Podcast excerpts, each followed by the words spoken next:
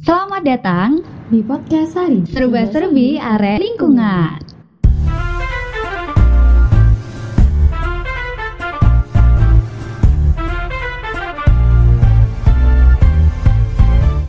Halo Are Lingkungan, balik lagi sama kita di podcast Haring bersama saya, Nafa. Dan saya Meli. Gimana nih Mel, kabarnya? Baik Siva, gimana liburanmu? Aduh, aku nggak punya liburan sih, aku punya KKN. Kalau kamu liburannya gimana? Liburanku menyenangkan sih, tiduran terus di rumah. Kalau nggak salah, liburannya Nafa diisi dengan KKN. KKN-nya tentang apa tuh? Oh, kalau KKN ku tuh bahas pengolahan sampah tuh Mel. Dan pengolahan sampahnya itu dari penggunaan limbah kentang menjadi pupuk kompos cair yang bisa digunakan para petani di sana sehingga hasilnya lebih organik Mel. Ngomong-ngomong tentang pengolahan sampah, uh, saya baru aja kemarin baca berita tentang masih maraknya kasus pengolahan sampah dengan pembakaran yang bahkan bisa kita lihat di lingkungan sekitar. Banyak banget nggak sih Mel? Banyak banget, Pak. Padahal pembakaran sampah itu kita tahu berdampak negatif banget ke lingkungan. Dan yang kita tahu pembakaran sampah itu juga menjadi salah satu penyebab besarnya jejak karbon di lingkungan sekitar kita saat ini. Waduh, bener banget tuh Mel. Jejak karbon termasuk pembakaran sampah bisa menambah perubahan iklim, apalagi dilakukan secara masif. Ngomong-ngomong soal jejak karbon nih Mel, kamu tahu nggak sih apa itu jejak karbon? Mungkin area lingkungan di rumah udah penasaran dari tadi ngomongin jejak karbon mulu. Tahu dong, Pak. Jejak karbon itu adalah jumlah emisi atau gas rumah kaca, termasuk karbon dioksida yang kita keluarkan sehari-hari yang dihasilkan dari berbagai aktivitas manusia dalam kurun waktu tertentu. Nah, seiring dengan bertambahnya populasi sama globalisasi, jejak karbon pun semakin tinggi dan dapat mempengaruhi iklim dunia secara negatif. Kerasa nggak sekarang akhir-akhir ini panas banget gitu?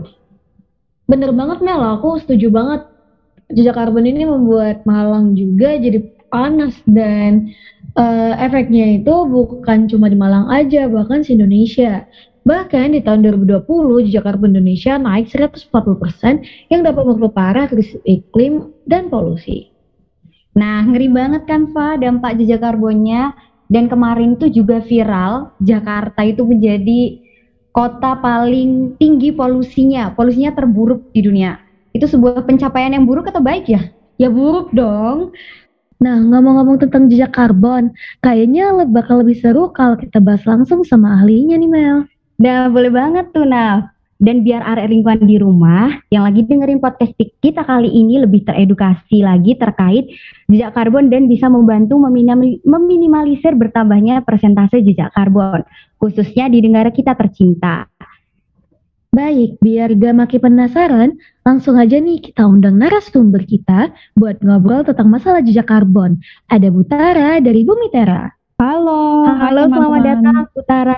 Bagaimana kabarnya hari ini Butara? Halo semua, halo Nafa, Meli, teman-teman dari Universitas Brawijaya dan siapa pun yang lagi mendengarkan. Terima kasih ya sudah mengundang saya hari ini. Baik Butara, mungkin boleh memperkenalkan diri dulu nih Butara ke area lingkungan yang lagi dengerin podcast kita. Iya, boleh. Jadi teman-teman nama saya Tara, saya adalah salah satu co-founder dari Bumi Tera. Jadi kebetulan perusahaan kecil saya ini itu kita tugasnya menjual karbon kredit kepada perusahaan-perusahaan yang mau mengimbangi emisi karbon mereka. Jadi kan tadi udah dijelasin dikit juga sama Nafa sama Meli tadi itu uh, jejak karbon itu sebenarnya apa dan semua orang sendiri kan pasti ada emisi-emisinya tertentu sendiri kan. Nah, apalagi perusahaan-perusahaan yang besar. Nah, perusahaan yang besar ini itu um, mereka mempunyai apa yang kalau di bahasa Inggris kita panggilnya social responsibility ya, yaitu mereka mempunyai um, apa tanggung jawab lah gitu bisa dibilang untuk mengurangi emisi karbon mereka. Tapi kalau misalnya mereka tidak bisa mengurangi, mereka bisa membeli apa yang kita panggil kredit karbon kredit karbon ini itu uh, adalah suatu unit komoditas ya yang sudah dipakai di seluruh dunia. Jadi mungkin di Indonesia itu masih baru, tapi dari negara lain, misalnya di Eropa, di Amerika, Amerika Serikat, di China dan di Jepang, itu tuh sebenarnya sudah uh, dipakai sejak tahun 2000-an gitu. Jadi um, tugas saya ini nanti kita bisa jelas, mungkin kita bisa ngobrol lagi ya sebenarnya kredit karbon ini apa, apa sih sebenarnya dan bagaimana cara menghitungnya dan bagaimana ini bisa dikomodifikasikan untuk menjadi um, currency, menjadi mata uang sebenarnya. Um, nanti mungkin kita bisa ngobrol lebih lanjut lagi kali ya kalau misalnya, misalnya belum jelas, tapi intinya itu kita menjual ini kepada perusahaan-perusahaan yang mau mengimbangi emisi karbon mereka dan melalui kredit karbon ini, uh, basically nanti dari uang yang mereka bayar itu ini dimasukkan ke proyek-proyek yang mengurangi atau menyerap karbon dioksida dari udara. Dan cara itulah kita bisa um, mengurangi suhu udara secara efektif. Karena emang uh, karbon dioksida emang dia itu yang dia nggak bisa dibilang paling bahaya tapi dia adalah kontribusi yang paling besar di antara greenhouse gas lain-lainnya karena karbon dioksida itu 85% dari uh, semua dari total totalan greenhouse gas ini. Kan ada amonium, ada um, ada nitrous oxide, ada sulfur dioxide, tapi yang paling paling banyak itu adalah karbon dioksida. Dan dia tuh culpritnya, dia tuh mengapa um, kita suhu bumi kita naik banget Baik Bu Tara, terima kasih atas jawabannya. Jadi memang Bumi Tera itu merupakan perusahaan yang bergerak untuk mengajak perusahaan mengurangi jejak karbon dengan menjual karbon kredit. Dan apa memang di Indonesia ini masih sedikit ya Bu? Perusahaan iya, seperti Bumi Tera uh, ini. Nah sebenarnya untuk mengurangi itu um, kurang tepat juga ya. Jadi kan um, saya kasih contoh dulu deh. Kalau mengurangi itu kan uh, berarti kita menghindari ya, uh, menghindari aktivitas yang menimbulkan emisi karbon. Jadi misalnya uh, kita nggak pak kita kita nggak ini deh kita kita nggak naik mobil pribadi, kita naik transportasi atau kita jalan kaki itu sebenarnya mengurangi emisi karbon. Jadi di perusahaan sendiri tuh mereka bisa juga mengurangi sendiri dengan uh, misalnya mengurangi pemakaian plastik atau um, misal sedotan plastiknya diganti ya kan pakai sedotan yang uh, reusable gitu. Nah, kalau misalnya perusahaan ini sudah mengurangi dengan uh, dengan efektif, misalnya sudah dimaksimalkan lah pengurangan emisi karbonnya. Nah, um, tetap saja pasti ada residual emission. Jadi kita panggilnya residual emission itu adalah emisi yang tersisa dari aktivitas operasional lainnya. Nah, ini tuh harus diimbangkan. Jadi kata yang lebih tepat yang saya pengen pakai sih itu ya mengimbangkan Nah, mengimbangkan ini itu artinya mereka bisa uh, misalnya nih, misalnya saya pakai contoh saya kali ya. Saya hari ini minum satu botol aqua gitu, satu botol yang standar lah gitu. Nah, saya berarti saya udah mengkonsumsi plastik dong. Nah, saya tuh harus di tempat lain, saya harus mendanai atau saya harus ngambil sendiri satu botol plastik, let's say dari lautan gitu. Nah, berarti apa yang saya ambil dan apa yang saya beri balik itu seimbang kan? Konsepnya tuh seperti itu. Jadi dengan cara ini perusahaan-perusahaan bisa mengimbangi emisi karbon mereka. Jadi bukan mengurangi ya jadi setelah mengurangi pasti harus diimbangi gitu. Dan iya untuk menjawab pertanyaan yang kedua sebenarnya masih jarang sih di Indonesia yang mengetahui konsep pengimbangan karbon ya pengimbangan emisi karbon untuk mengurang sih kayaknya saya lihat dari dua tahun lalu sudah lumayan banyak, sudah banyak sekali inisiatif-inisiatif yang low carbon emission juga. Misalnya tempat-tempat um, yang uh, nabati kan udah banyak banget, udah keluar Burgreens, udah ada Offbeat, udah ada Green Rebel.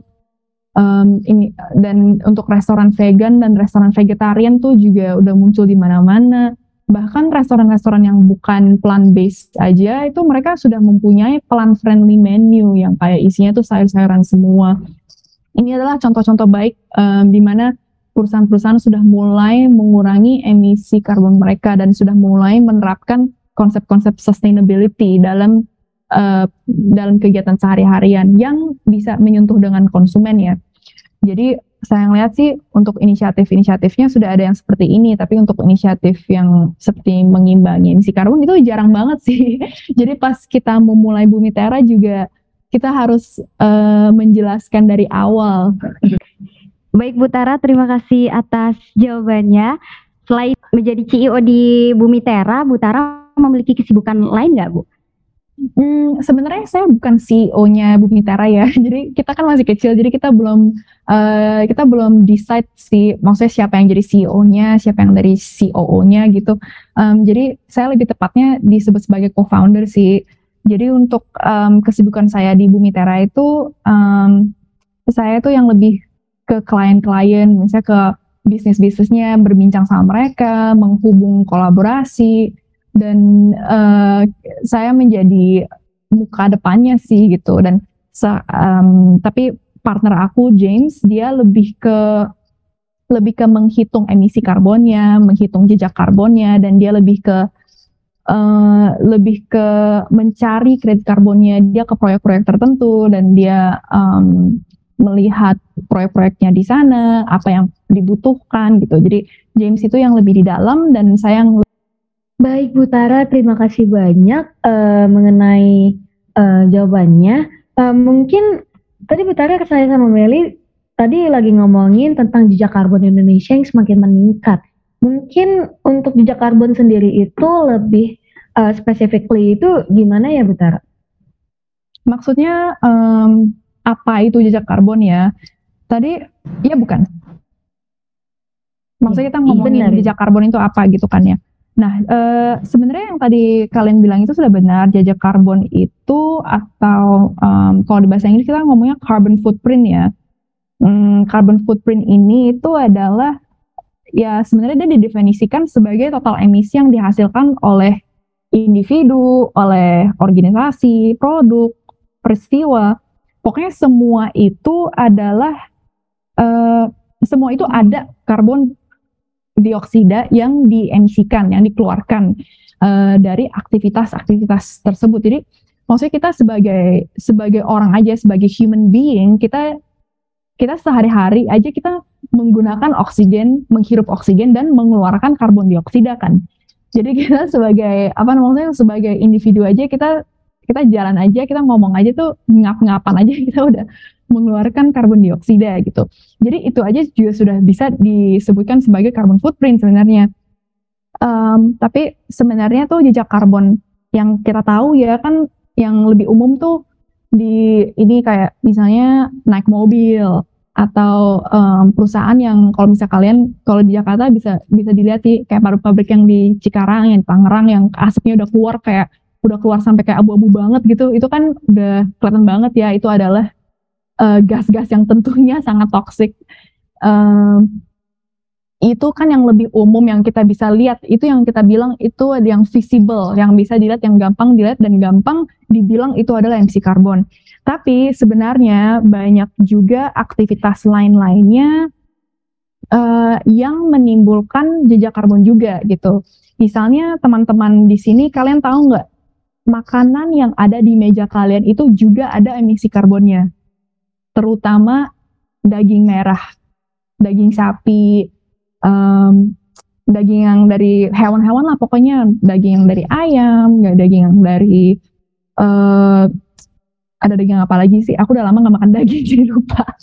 uh, daging sapi, daging ayam, daging uh, ikan juga ada misinya sendiri. Um, uh, yang untuk yang makan daging babi, daging babi juga.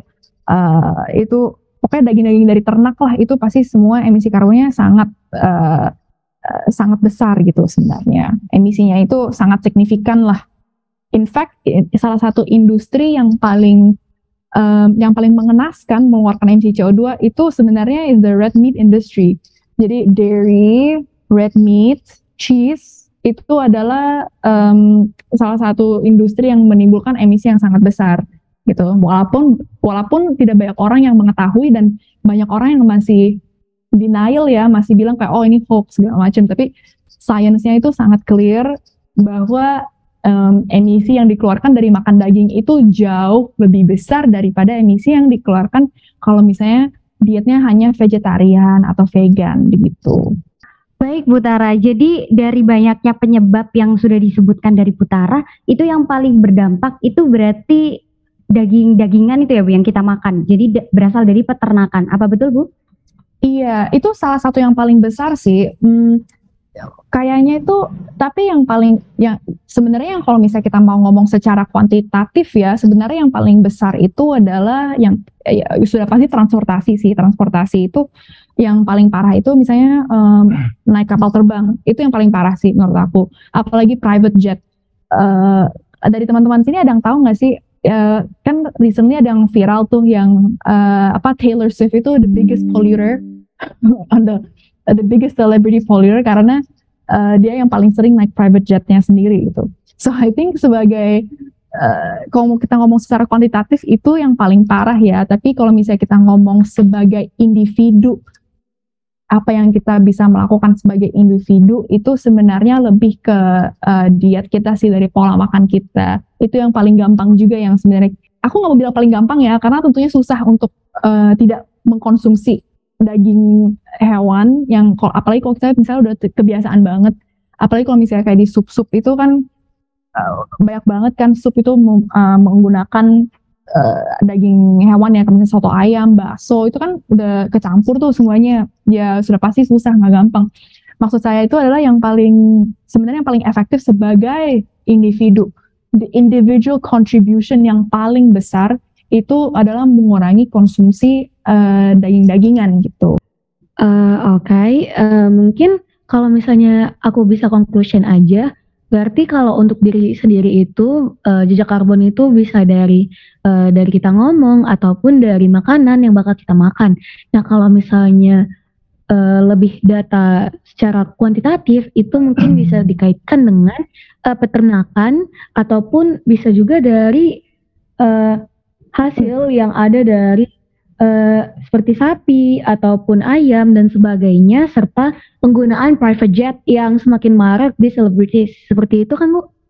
Iya, tapi maksudnya kita sebagai manusia kan kita juga naik kapal terbang dong. Kita kan naik pesawat kan. Kita naik pesawat, naik uh, naik apa namanya? Maksudnya kita kalau misalnya naik ferry, naik boat, naik mobil pribadi, itu kan termasuk uh, traveling ya. Pokoknya transportasi sih. Tapi untuk uh, penerbangan itu yang paling parah sih dari segi transportasi. Uh, baik, terima kasih Bu. Mungkin kalau misalnya kita lebih mengkaitkan datanya itu dibandingkan dengan data-data tahun sebelumnya, apakah peng, uh, jejak karbon di Indonesia ini bisa dikatakan lebih parah atau malah uh, berkurang ya Bu? Dengan uh, awareness dari manusia yang sekarang ini juga udah lumayan tinggi seperti itu Bu. Saya bisa I can confidently say saya tanpa ngeliat cari data aja atau tanpa nanya rekan saya yang mungkin lebih berpengetahuan, berpengetahuan dari saya bahwa jejak karbon di Indonesia itu pasti meningkat, pasti sudah pasti. Karena ini kelihatan banget dari uh, dari polusi yang di yang ditimbulkan ya di se Indonesia bukan cuma Jakarta loh tapi di se Indonesia.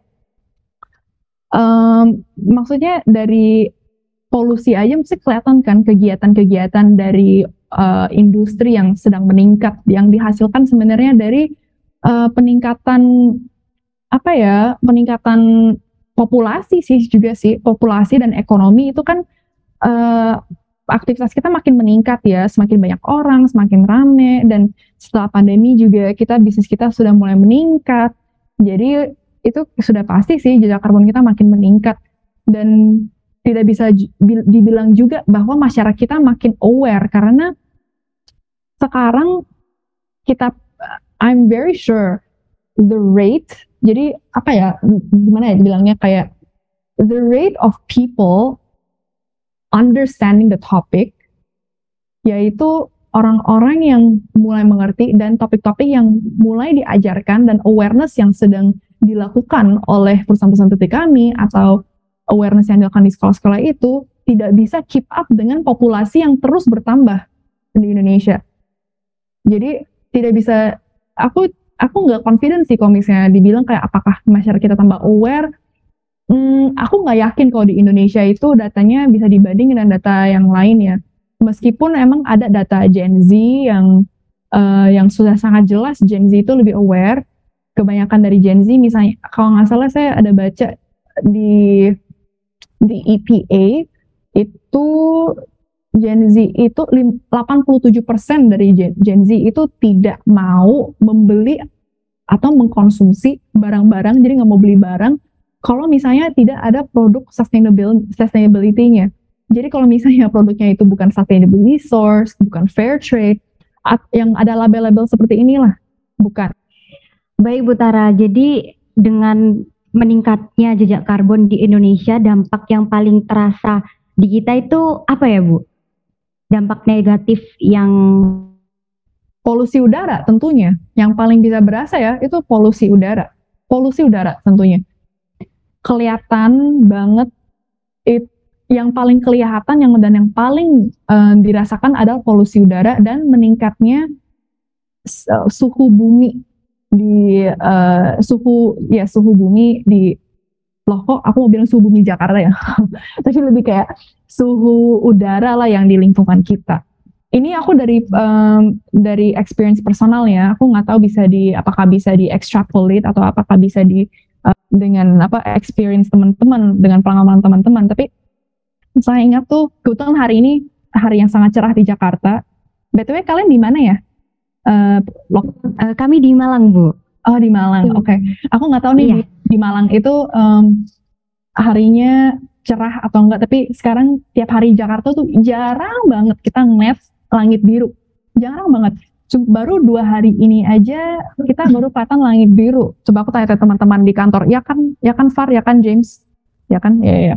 ya pokoknya jarang banget kita ngeliat langit biru. Setiap hari pasti kita ngeliat butek, warnanya apa, warnanya abu-abu, dan kebanyakan orang tuh kira ini loh kok hari ini kita mendung ya? Bahkan bukan mendung itu adalah polusi udara gitu. Jadi itu adalah yang um, dari pengalaman saya sih yang paling kelihatan sih. Maksudnya saya dari kecil juga itu lumayan sering aku ngeliat langit biru kayak ya udah uh, dulu kan sekolah aku di pembangunan pas aku masih TK SD aku inget banget kayak pulang-pulang masih bisa naik delman terus masih bisa jalan kaki masih bisa jajan terus kayak nggak ngerasa sesak gitu. Dan kita ya happy happy aja gitu jalan kaki pulang dari sekolah ke rumah gitu. Tapi kalau sekarang tuh males banget jalan di luar karena keringetan, uh, debunya tuh udah nggak tahan lagi dan um, kita jadi bau gitu loh. Tapi sebenarnya bau itu bau dari polusi kan orang di sini suka bilang ya, oh apa sih ini bau matahari? Tapi sebenarnya ini bukan bau matahari, ini uh, bau debu, debu yang dihasilkan dari polusi gitu. Jadi kayaknya itu um, dari visibilitas yang bisa kita ngeliat tuh itu ya dari pengalaman saya. Kedua, yang saya notice, yang saya ngeliat dari teman-teman sekitar itu adalah um, teman-teman saya yang udah punya anak nih dan rekan kerja saya yang udah punya anak dari 4 sampai 5 tahun terakhir dan dibanding dari tahun-tahun sebelumnya, tahun-tahun terakhir ini anak-anak mereka tuh sering sakit. Sering sakit tenggorokan, sering pilek, sering alergi. Bangun pagi tuh udah kayak ingus-ingusan gitu. Saya sering banget lihat anak-anak yang sebenarnya sakit um, sakit tenggorokannya itu kayak makin parah gitu dan mereka yang uh, apa namanya bersaudara itu pasti kayak sakitnya itu tuker-tukeran nggak nggak tentu kayak oh seminggu ini hari ini saya sakit terus sakitnya jarang-jarang tapi nggak pasti sebulan ada sakitnya. Dan saya inget banget karena coworker saya rekan kerja saya pada waktu itu dia itu selalu kayak um, dia tuh selalu suka bilang kayak aduh saya harus take leave nih hari ini karena um, my kids are sick today. Uh, I have to take him to the doctor. Dan selalu sakitnya itu selalu uh, sakit tenggorokan, sakit uh, ingus-ingusan, pokoknya anything to do with respiratory diseases, sakit sakit uh, pernapasan gitu, pasti maka pasti sakitnya di sana. And it's crazy because um, setelah kita ngeliat data dari EPA ya at and WHO World Health World Health Organization dan bahkan Universitas Indonesia pernah mengeluarkan studi juga. Kira-kira 9 dari 10 anak-anak di dunia ini they are breathing toxic air every day. Mereka menghirup udara yang tidak sehat, udara yang toxic. 9 dari 10 anak. Itu banyak banget. Itu berarti semua anak bisa dibilang mereka menghirup udara yang toxic. Bisa dibilang itu semua anak yang saya ketemu. Karena ini 9 dari 10, 90% pasti mereka breathing toxic air. Apalagi kalau misalnya aku ketemu anak-anak di Jakarta. Sudah pasti they're breathing toxic air. And air pollution is very likely, it increases the likelihood of developing asthma in children. ini tuh sudah data yang di mana-mana yang sudah bisa di Google sendiri um, sama teman-teman juga. And ini bukan hanya increasing likelihood ya, jadi bukan cuman kayak oh kayak uh, bukan cuman lebih memungkinkan anak-anak mendap apa mulai mendapatkan penyakit asma, tapi juga dua kali lebih lama untuk uh, recover dari penyakit-penyakit itu, gitu.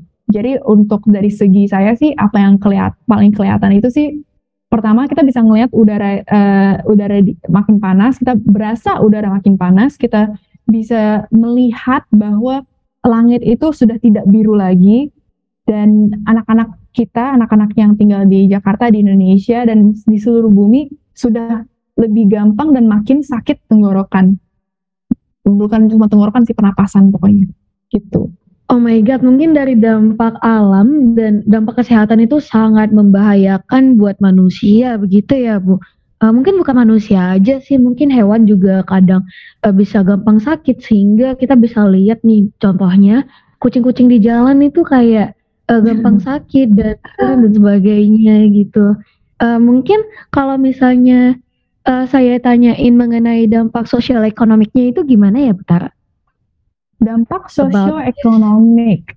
Hmm, yeah. Menurut saya sih untungnya dampak ekonomis sekarang tuh belum kelihatan ya karena um, kalau misalnya saya bisa melihat dari Indonesia saja itu sudah pasti kita ekonomis kita masih keadaan ekonomi kita masih sangat baik bisa dibilang sehat ya karena kita adalah um, kita adalah sebuah uh, nusantara yang sangat muda gitu. Po, apa populasi kita tuh lebih dari 50% itu anak-anak muda. Jadi bukan populasi tua. Jadi sebenarnya so many young and talented kids like you, like us. Lalu aku malah jadi kayak like us. Tapi iya, um, banyak masih banyak tenaga kerja lah kinerja kinerja yang uh, masih bisa bekerja gitu. Jadi dari segi ekonomi sih kayaknya belum berasa ya. Maka itu mungkin um, awarenessnya masih low gitu.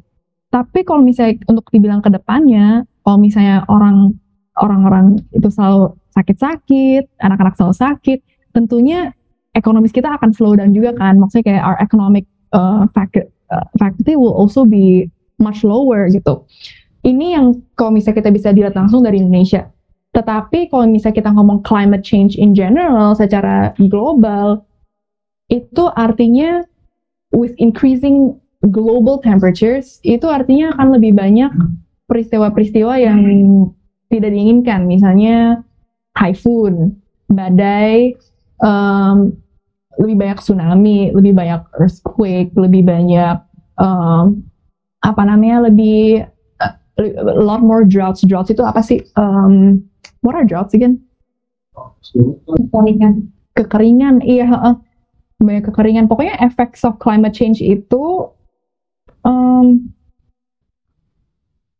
itu banyak yang pertama itu sih udah pasti hotter temperature ya temperature yang makin panas dan bukan hanya kekeringan atau tsunami-tsunami yang kita bisa lihat sebenarnya yang paling serem itu yang kita bisa lihat itu adalah um, forest fires. Jadi sekarang hutan-hutan udah banyak banget yang kita kelihatan hutan kebakaran.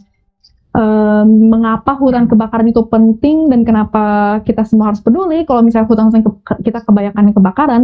Karena hutan-hutan itu adalah it's the place where the carbon dioxide gets sequestered artinya ini adalah tempat di mana karbon dioksida bisa diserap untuk teman-teman yang di Universitas Brawijaya mungkin sudah tahu ya, tugasnya pohon itu adalah untuk menyerap karbon dioksida dan mengeluarkan oksigen. Oksigen adalah gas yang kita hirup supaya kita bisa survive. Coba deh kita tahan, kan tahan napas aja deh 10 detik, pasti 10 detik aja nggak enak kan, karena kita tidak menghirup oksigen gitu. That is what we need to survive. Dan kalau misalnya uh, suhu di bumi ini semakin naik, dan kalau misalnya hutannya habis, gimana dong? Bukan cuman ini kita bukan cuma ngomongin oksigen dan karbon dioksida ya. Dengan hutan-hutan ini makin lama banyak yang makin kebakar, itu berarti biodiversitas kita akan makin kurang. Berarti banyak uh, banyak um, tadi kan Mel atau Nafa ya kalian kalian um, ngomongin hewan dan binatang. Binatang-binatang ini juga akan kehilangan rumah-rumahnya binatang-binatang yang tadinya mungkin nggak kelihatan ya kita mungkin menurut kita tidak penting untuk binatang-binatang ini hidup karena kita cuma bisa ngeliat sekitar lingkungan sekitar kita. Tapi sebenarnya binatang dan hewan adalah apa ya mereka mempunyai role yang sangat penting dalam biodiversity, role yang sangat penting di kehidupan ini. Misalnya tanpa lebah, lebah itu sangat penting. Tanpa lebah kita tidak bisa makan dua dari tiga makanan macam makanan yang ada di piring kita. Karena makanan-makanan yang di piring kita, baik dia adalah telur atau dia um, daging-daging hewan atau sayur-sayuran itu mereka semua butuh lebah untuk bisa um, do their cross pollination. Nah, kenapa aku mention hewan ya? Karena hewan-hewan yang kita makan itu mereka membutuhkan mereka kan makannya apa? Mereka makannya sayur-sayuran kan? Mereka makannya um, peternakan itu butuh plantation lah untuk makan dan plantation itu uh, bergantung pada lebah-lebah ini untuk melakukan polinasi gitu.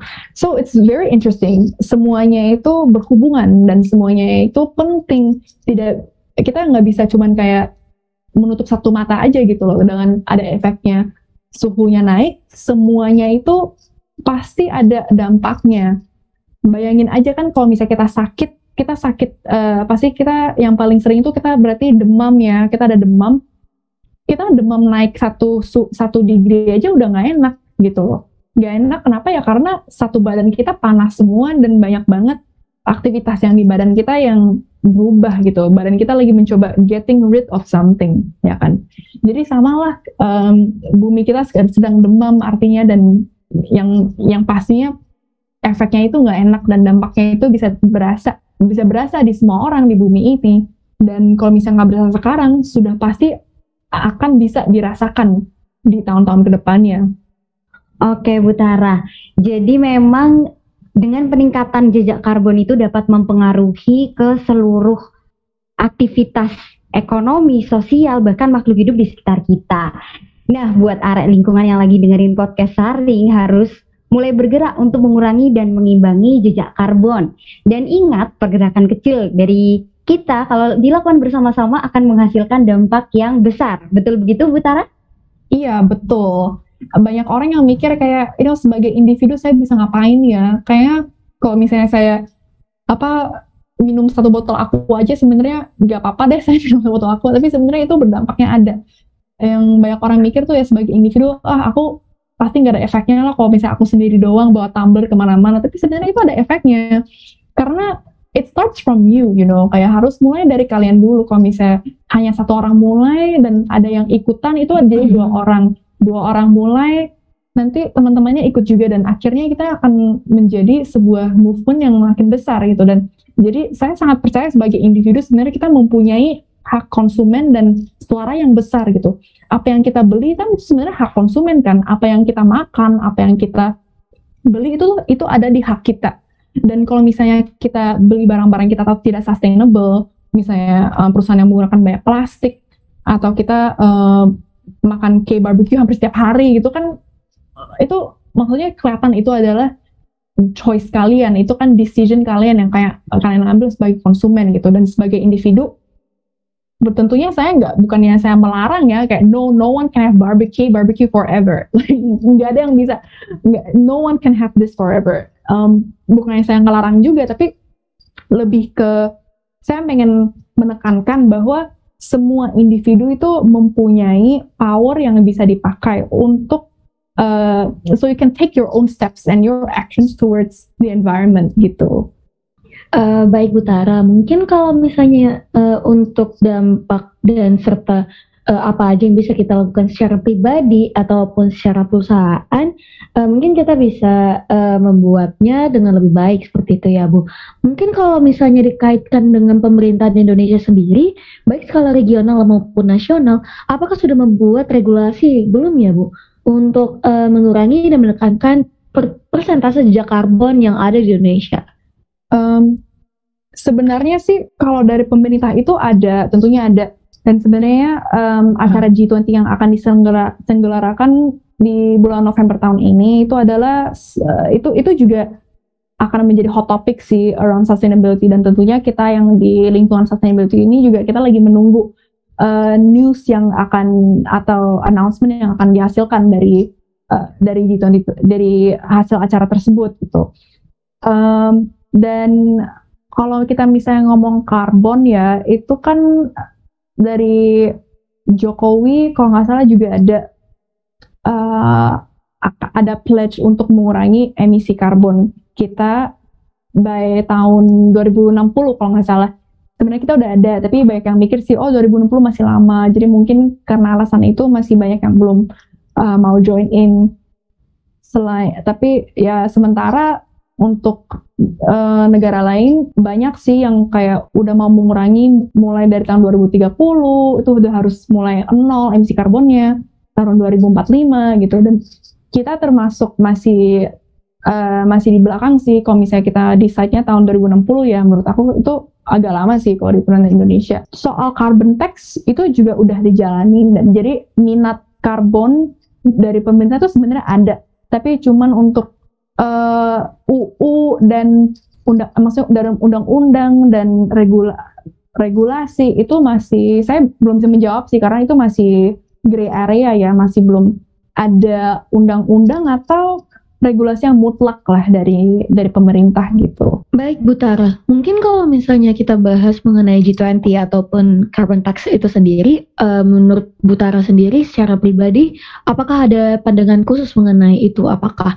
bakal berjalan sesuai target ataupun semacamnya seperti itu? Waduh, saya nggak mau diseret nih ke urusan politik saya um, I cannot okay, okay. I, I cannot say much ya. Um, I mean saya senang udah saya saya senang ngeliat pemerintah itu sebenarnya sudah mulai taking steps dan harusnya kita semua sebagai uh, individu dan maupun perusahaan dan pemerintah harus sih ada um, step-stepnya yang akan diambil gitu. Jadi saya cukup senang sih melihat itu dan apakah akan jalan atau tidak ya pastinya akan jalan tapi dalam bentuk apa itu kita masih belum tahu kan. Maksudnya um, apakah carbon tax-nya akan dibikin lebih uh, strict atau mereka mau implementasikan di tahun berapa itu kan masih belum jelas ya. Jadi masih kurang sih uh, kejelasan itu masih kurang untuk saya bisa mem, uh, membuat opini sendiri gitu tentang apakah ini akan ada jalan atau tidak. Tapi setidaknya yang saya bisa bilang kalau dari Bumi Tara sendiri at least kita mau melakukan sesuatu. Kita nggak mau nunggu-nunggu regulasi juga gitu loh. Yang yang pasti kita kan udah bisa berjalan sekarang. Ya udah kita jalanin dulu aja gitu. Baik Butara karena Butara tadi udah menjelaskan bahwa pemerintah sendiri itu memiliki kebijakan-kebijakan tertentu terkait jejak karbon ini. Nah sebagai generasi muda menurut Butara apa yang harus kita lakukan untuk membantu menangani kasus meningkatnya jejak karbon di lingkungan sekitar kita gitu Butara Hmm, sebagai generasi muda ya, palingan kita mulai dari hal-hal kecil, hal-hal individu seperti uh, misalnya buang sampah. Di sini siapa sih yang masih buang sampah sembarangan? yang penting itu jangan jangan buang sampah sembarangan. Sampah itu harus dipilah, yang plastik sama yang plastik, kertas sama kertas, yang sampah organik sama sampah organik, yang inorganik sama inorganik. Karena sampah-sampah yang organik itu mungkin bisa dijadikan kompos, bisa dijadikan ekoenzim, dan yang plas sampah plastik itu kalau misalnya kita pilah dengan bersih, uh, kita bisa kirim ke tempat-tempat recycling gitu, uh, di mana mereka bisa didaur ulang dan diberikan kesempatan hidup yang kedua kan, mereka bisa dipakai lagi gitu. Itu yang uh, sebagai individu yang sangat simpel ya yang kita bisa lakukan yang mungkin agak kontroversial, aku akan rekomendasikan ini. Kurangi makanan daging. kurangi konsumsi daging, kurangi apalagi konsumsi daging sapi, uh, daging ayam itu harus dikurangi sih karena emisi karbon dari memelihara ternak-ternak itu tuh sangat tinggi dan metana yang dihasilkan dari pup sapi, dari pembuangan sapi itu juga salah satu uh, green methane itu metana itu itu sangat berbahaya juga dan berkontribusi sangat besar juga kepada efek uh, rumah kaca. So dari itu harus dikurangin juga sih konsumsinya ya menurut saya. Mungkin gak semua orang berpandang yang sama dengan saya, tapi itu saya percaya banget sih itu harus dikurangi konsumsinya. Itu adalah salah satu yang kita bisa lakukan sebagai individu.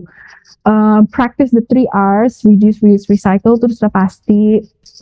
Um, mengurangi emisi sendiri dengan um, mengurangi makanan daging dan apa lebih sering lebih sering jalan kaki sih kalau saya bisa bilang ya. Kalau misalnya misalnya mau ke Indomaret uh, Indomaretnya 900 meter dari kantor ya udah jalan kaki aja jangan naik motor gitu. Itu salah satu yang bisa kita lakukan juga sih. Dan sekarang kan upaya pemerintah dalam uh, membangun transportasi dan infrastruktur kan juga kelihatan ya. Kan kita juga uh, kayaknya aku ngeliat sih MRT-nya juga sangat baik dan uh, upkeep-nya maintenance-nya juga sangat baik jadi untuk uh, mengikut effort-effort pemerintah dalam um, membangun transportasi yang transportasi yang lebih baik dan lebih bisa aksesibel untuk semua orang itu penting juga. Jadi lebih banyak um, mengurangi pengendaraan pribadi itu penting sekali ya sebagai individu. Um, apalagi ya, hmm, yang saya bisa pikir itu sih nanti kalau kebanyakan takutnya pusing. Oke, okay, Bu Tara. Mungkin untuk uh, semoga langkah-langkah awal ini bisa dilakukan sama generasi muda biar uh, termasuk arah lingkungan juga nih yang lagi dengerin podcast hari kita biar bisa melakukan hal-hal yang baik bagi masa depan dan bumi kita seperti itu. Uh, mungkin kalau misalnya dikaitkan dengan edukasi kepada masyarakat mengenai hmm. jejak karbon ini, uh, menurut Bu Tara itu gimana ya, Bu? Edukasi Apakah sudah terlaksana? Ya, hmm, apakah sudah terlaksana? Hmm, ah, ini pertanyaan yang sangat menarik ya, karena sebenarnya uh, jadi gini, jadi untuk pendidikan dari sekolah-sekolah menurut saya masih bisa diimprove karena um, kebetulan sebelum ini juga saya ada di bidang edukasi ya, jadi sebelum saya mulai Bumi Tara itu saya ada di uh, edtech startup. Dan menurut saya sistem pendidikan di Indonesia aja sebenarnya masih bisa banyak yang diperbaiki. Jadi apalagi kalau misalnya kita ngomongin pendidikan climate change, pendidikan ekologi dan biologi itu sebenarnya masih banyak yang bisa diperbaiki sih. Dan kayak dan saya udah ngomong sih dengan banyak orang dari latar belakang yang berbeda-beda juga dan setiap kali saya menanya mereka kenapa teman-teman kamu masih gak gitu peduli sama lingkungan? Kalau saya tanya teman-teman yang lebih muda ya mereka bilang kayak mereka bilangnya ya kayaknya mereka nggak tahu aja sih efeknya gitu.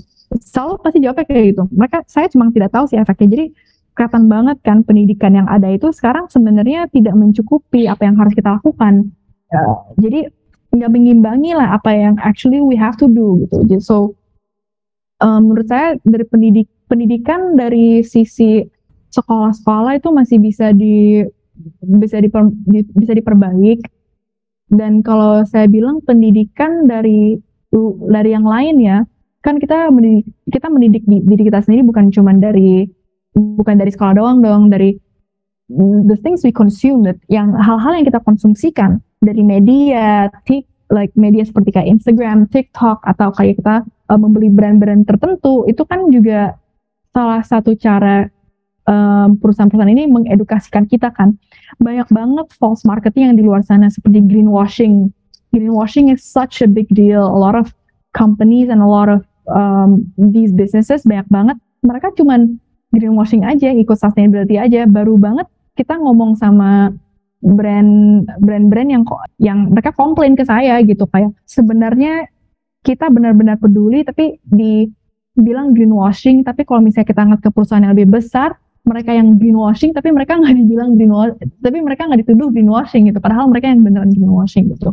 Jadi um, banyak sekali sih false education that is out there ya apalagi kalau di bidang saya di bidang carbon credit uh, masih banyak sih orang yang bilang ini adalah sebenarnya hoax. Sebenarnya bentuk pelarian dari perusahaan-perusahaan yang tidak mau mengambil uh, responsibility atas action-actionnya mereka. Dan sebenarnya itu ada ada kebenarannya juga. There is some truth to that because a lot of people yang menjual carbon credit itu uh, itu mereka juga nggak melakukan after sales gitu loh. Jadi kayak mereka nggak um, kalau di Bumi Tera kan kita juga milih partner-partner kita ya kayak yang kita berkolaborasi sama siapa kan kita pilihin pilih kita memilih juga. Jadi kayak nggak mungkin juga kita membuat kampanye besar bersama let's say um, let's say perusahaan yang jual rokok gitu. Nggak mungkin kan kita bikin kampanye sama mereka kayak oh look uh, this tobacco brand sekarang sekarang kita karbon netral gitu kan. Kan gimana banget gitu kan. It's like you're a tobacco company we're a green company kayaknya nggak make sense juga gitu. Tapi banyak juga sih perusahaan yang di di luar sana yang um, yang bisa gampang-gampang klaim kita karbon netral karena kita udah beli karbon kredit. Ya udah mereka tinggal cuci tangan gampang kan. Makanya itu industri yang kita berada ini sangat sekarang masih sangat di apa ya masih masih banyak yang inilah masih banyak apanya masih banyak gosip-gosipnya, masih banyak um, perkataan yang gak enak dan bisa dibilang masih ada yang gak ngeliat ini sebagai sesuatu yang positif gitu. Malahan banyak yang bilang juga ini uh, dampaknya lumayan negatif gitu ya. Tapi sebenarnya sih kalau saya ngeliat, kalau misalnya saya ngomongin tentang industri carbon credit ya, at the end of the day, the carbon credits that you're paying for, they go to people they go to projects that save the world. Like you are funding projects that save the world you know. Uang yang dimasukkan dari pembelian carbon credit itu langsung masuk kepada proyek-proyek ini yang melestarikan lingkungan gitu. Jadi asal edukasinya benar komunikasinya itu tepat pasti bisa digunakan dan dimanfaatkan dengan yang benar. Cuman sayangnya banyak banget edukasi dan komunikasi di luar sana yang masih belum tepat juga. So there's a lot of things I can talk about education that really matters actually. Um, dan and I think kita di Bumi Tera ini juga salah satu pilar kita untuk membangun perusahaan ini juga kita mau uh, membuat komunikasi yang lebih efektif dan bukan cuma efektif ya, yang lebih relatable yang lebih bisa di uh, diterima oleh orang-orang gitu. Jadi bukan cuman we don't want to just sound scientific kan kita bukan cuman kayak mau bilang oh blah, blah, like how X percent of whatever X Y Z stuff is being done for blind blind blah but we have to make sure komunitas kita tetap engage dan uh, community kita tetap berasa mereka bisa melakukan sesuatu sebagai individu gitu. Oke Bu Tara, jadi memang sebelum kita melakukan edukasi kepada masyarakat itu sistem pendidikan di Indonesia itu harus ditingkat, ditingkatkan dari segi kewaspadaan jejak karbon itu berakibat gimana di masa depan gitu. Biar generasi muda bahkan generasi yang sudah tua-tua gitu lebih aware lagi terkait jejak karbon. Dan Terima kasih kepada Bu Tara sudah menyempatkan waktunya untuk hadir menjadi narasumber di podcast Saring kali ini serta sudah bersedia untuk membagi ilmu dan pengalamannya kepada area lingkungan sekalian. Oh iya Bu Tara, mungkin bisa closing statement juga nih Bu Tara kepada area lingkungan biar lebih aware mengenai jejak karbon. Oke, okay. um, palingan closing saya ini ya, um, yang paling penting tadi sih yang tadi kita ngomong ya sebagai apa yang kita bisa lakukan sebagai individu itu menurut aku sangat penting karena kita mem apa gimana ya? Maksudnya um, let's say dengan teman-teman yang hadir di sini dan yang yang sudah yang sudah mendengarkan yang sudah meluangkan waktu untuk mendengarkan podcast ini dan yang dan teman-teman yang di Brawijaya yang sudah uh, mengorganisir event podcast ini sebenarnya ini adalah upaya kalian dalam mengedukasi dan upaya kalian sebagai individu-individu untuk uh, mengurangi jejak karbon yang sudah ada dan untuk uh, membuat perubahan lah di uh, di dalam dampak lingkungan dan di dalam seksi lingkungan. Dan this is something you should be proud of gitu. Karena kita selalu ngomongin apa yang kita bisa lakukan sebagai individu. Kalian sendiri sudah melakukannya by listening to this podcast by organizing this event. You're actually already doing it. Jadi uh, jangan jangan kecil hati kalau misalnya oh saya kan cuma satu orang saya bisa ngapain? gitu. Itu jangan kecil hati karena by you listening to this podcast kalian kalian sudah mengedukasikan diri sendiri. Kalian mau uh, menjadi individu yang lebih baik untuk bumi kita gitu. Kalian mempunyai interest dan mempunyai ketertarikan untuk mendengarkan ini aja kalian berarti sudah uh, mempunyai keinginan untuk merubah sesuatu dalam hidup-hidup kalian gitu. Jadi itu saja sih uh, closing statement dari saya. Terima kasih ya teman-teman. Thank you so much Butara udah nyempatin waktunya menjadi narasumber di podcast Haring yang mengambil topik yang sangat penting banget buat masa depan kita seperti itu. Terima kasih Bu Tara. Terima kasih Nafa, Meli, dan terima kasih semua. Baik, itu dia bincang luar biasa bersama Butara dari Bumi Utara pada episode kali ini. Terima kasih kepada Butara yang sudah menyempatkan waktunya untuk hadir menjadi narasumber di podcast sharing kali ini serta sudah bersedia untuk membagikan ilmunya dan pengalamannya kepada area lingkungan sekalian.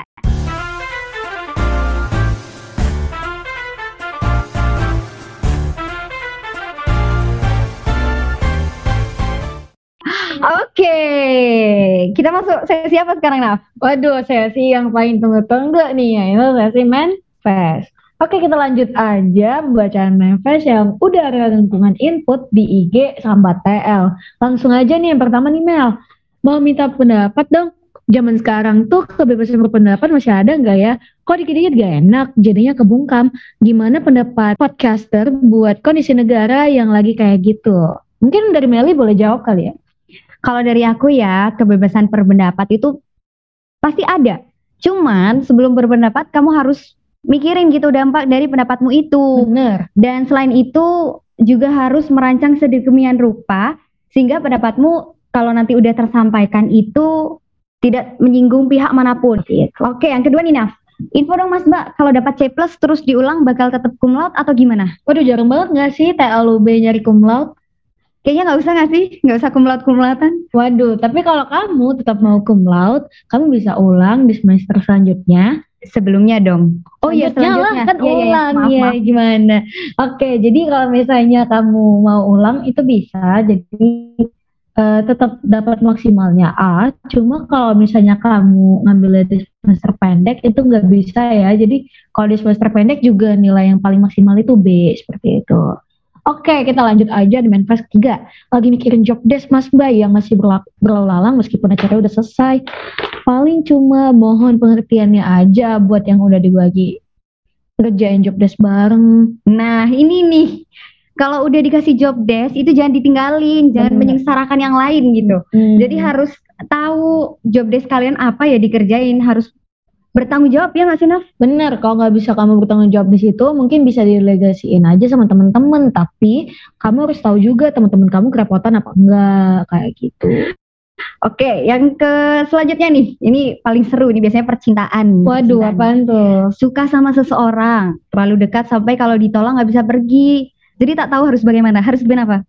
Ya, jadi sebagai seorang badut itu harus eh, lebih aware aja kepada sekitar kalau masih banyak orang yang masih bisa disukai nggak dia doang kayak gitu ya nggak sih? Berdasarkan manifest ini kayaknya anak TL banyak yang badut ya? Waduh, bisa jadi sih. Iya ya kayaknya. Nggak boleh kayak gitu, Meli. Astagfirullah. Tapi kalau nggak bisa pergi, emang nggak bisa pergi kan bisa jadi teman, nggak harus yang lebih ya kan? Bener. Tapi sakit ya artinya. Agaknya tolong mundur aja seperti itu biar kesehatan mental Anda terjaga. Iya, mundur alon-alon aja kayaknya. Mm-mm.